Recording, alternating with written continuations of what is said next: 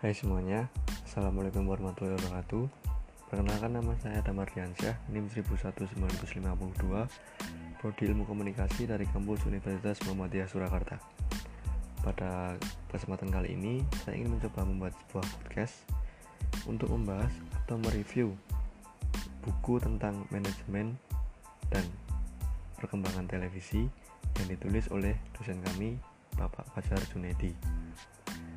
Sebelum membahas lebih jauh tentang manajemen dalam stasiun televisi, ada baiknya kita membahas terlebih dahulu perkembangan penyiaran televisi, sehingga dapat mendalami latar belakang terbentuknya manajemen media di, di stasiun televisi.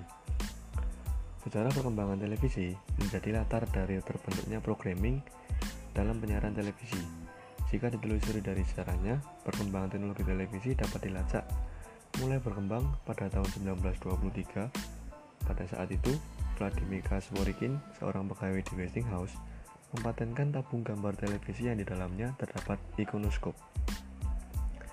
Empat tahun kemudian, bersamaan dengan NBC mengorganisir siaran radio jaringannya, Philo Fastword mengembangkan sistem dan patenkan tabung di sektor. Di saat orang-orang lain bereksperimen dengan cara bagaimana menyiarkan gambar, dua orang peneliti independen ini memberikan sumbangsi besar dalam kelahiran seluruh transmisi televisi. Perkembangan teknologi televisi memang banyak berakar di Amerika Serikat. Namun, demikian bukan berarti di negara-negara lain, terutama Eropa Barat, teknologi pertelevisian tidak dikembangkan. Pemerintah Jerman mengawali menyiarkan layanan siaran televisi non-eksperimental pada tahun 1935. Di Inggris, siaran British Broadcasting Corporation atau BBC diawali beberapa tahun kemudian. Di Amerika, di Amerika Serikat sendiri, siaran komersial dari stasiun televisi dimulai pada tahun 9 dimulai pada tahun setelahnya. Di Indonesia, dalam posisinya sebagai negara sedang berkembang, baru memiliki stasiun televisi pada dekade 1960-an, ketika TVRI berdiri dan mengudara pada tanggal 17 Agustus 1962. Pendirian TVRI pada awalnya digunakan untuk tujuan menyukseskan penyelenggaraan Asian Games yang keempat yang dilangsungkan di ibu kota Jakarta pada tahun 1962.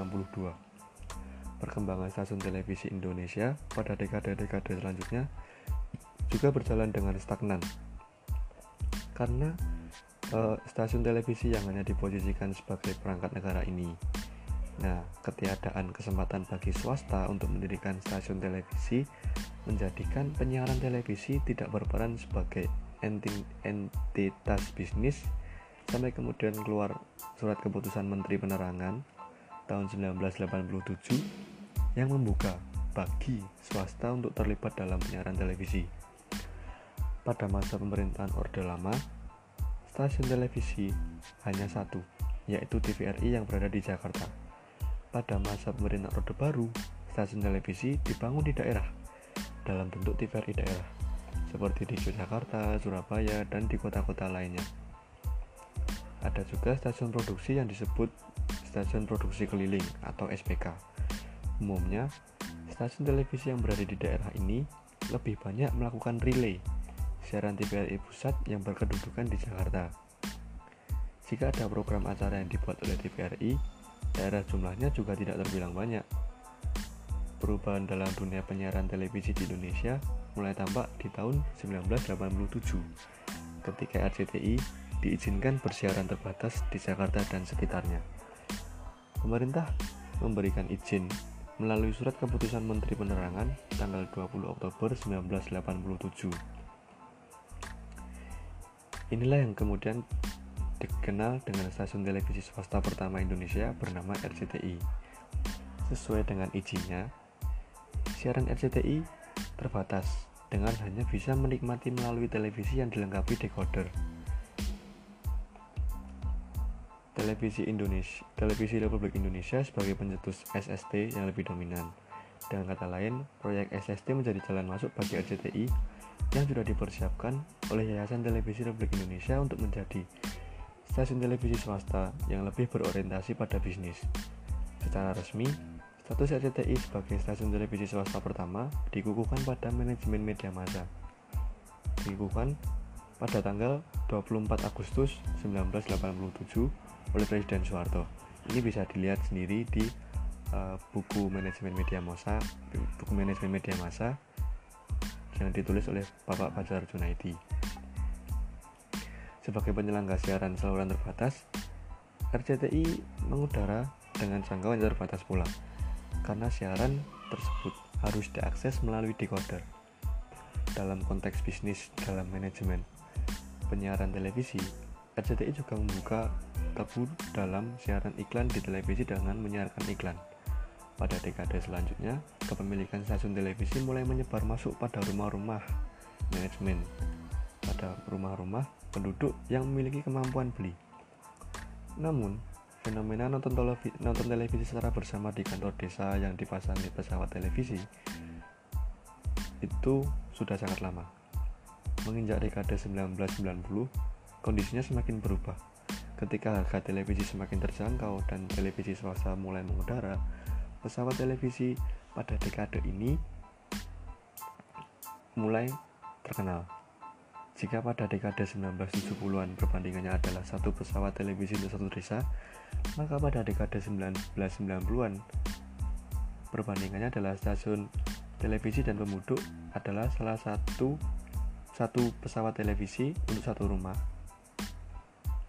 penduduk. Media televisi seakan menjadi corong paling efektif bagi proses modernisasi di pedesaan. Nah, itu mungkin tentang uh, sejarah pertelevisian yang ada di Indonesia. Mulai dari stasiun swasta hingga ke stasiun televisi yang negeri yang pertama kali. Yang berikutnya, struktur dan posisi dalam manajemen televisi, stasiun televisi. Nah, ini akan kita bahas agar kita mengetahui sebenarnya apa sih yang ada di dalam televisi itu sebenarnya ada apa aja strukturnya seperti ketua kayak atau apa kayak gitu. Nah, yang pertama, stasiun televisi dipimpin oleh manajer yang disebut sebagai manajer umum atau general manager. Di stasiun televisi besar juga disebut sebagai direktur utama Selain itu, ada istilah lain yang digunakan seperti presiden direktur, direktur utama, dan CEO alias Chief Executive Director. Pimpinan tertinggi dalam institusi media televisi ini sekaligus menjabat posisi sebagai ketua dewan direksi atau board of direction.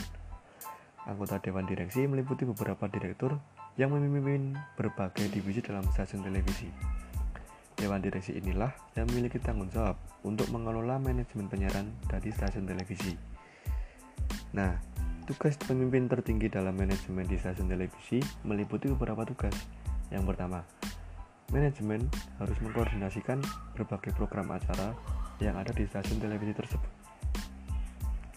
Ini termasuk kemampuan manajemen untuk memonitor program acara, Manajemen harus segera mengetahui jika ada program acara yang kualitasnya menurun, seperti ratingnya turun atau apa kayak gitu. Kemudian, segera melakukan kebijakan atas program acara tersebut. Sebaliknya, manajemen juga harus mengetahui program acara yang kualitasnya bagus, ratingnya naik, sehingga dapat segera memerintahkan bagian promosi program untuk menjual program tersebut secara lebih intens. Yang kedua, manajemen harus dapat mengarahkan program acara yang ditayangkan yang diminati oleh pemasang iklan.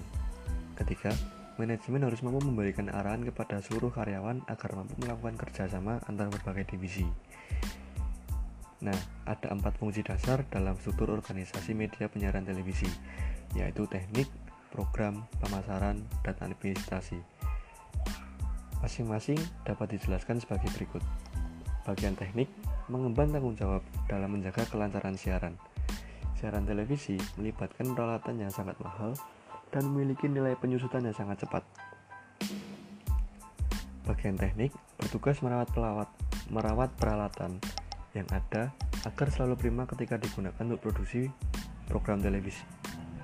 Sumber daya manusia yang berada di bagian teknik tentu saja adalah teknisi yang memiliki kemampuan untuk melakukan perawatan berkala pada peralatan audiovisual yang dimiliki oleh stasiun televisi. Selanjutnya, ada bagian program siaran. Bagian ini mengemban tugas untuk menyuguhkan program acara bagi halayak. Untuk itu, bagian ini harus mampu melakukan penataan program siaran agar sesuai dengan halayak. Nah, selanjutnya adalah divisi pemasaran dan penjualan program televisi atau sales marketing. Bagian ini memiliki tugas untuk menjual program-program yang dimiliki stasiun televisi pada pengiklan. Nah, bagian ini menjadi vital bagi stasiun televisi swasta yang membutuhkan pendapatan dari iklan untuk menjamin keberlanjutan siarannya. Bayangkan jika ada sebuah stasiun televisi swasta yang memiliki program acara bagus, namun bagian pemasaran dan penjualannya program tidak mampu menggait pengiklan untuk mengisi slot iklan pada program tersebut. Divisi marketing ini juga harus menyesuaikan diri untuk berebut pengiklan dengan stasiun televisi lain. Mereka harus bisa menyesuaikan program siaran yang dijual kepada para pengiklan sesuai dengan segmentasi produk atau jasa pengiklan. Divisi lain dalam struktur industri penyiaran televisi adalah bagian administrasi. Nah, sebenarnya ada di hampir semua struktur perusahaan, baik perusahaan media maupun non-media. Sebagaimana namanya, bagian ini mengemban tugas dalam fungsi-fungsi organisasi yang berkaitan dengan fungsi administrasi. Nah, mungkin itu saja yang bisa saya sampaikan uh, penjelasan tentang media manajemen televisi dan media. Itu saja yang dapat saya sampaikan. Kurang lebihnya saya mohon maaf. Wassalamualaikum warahmatullahi wabarakatuh. Sampai ketemu minggu depan atau kita bertemu dengan kapan-kapan. See you.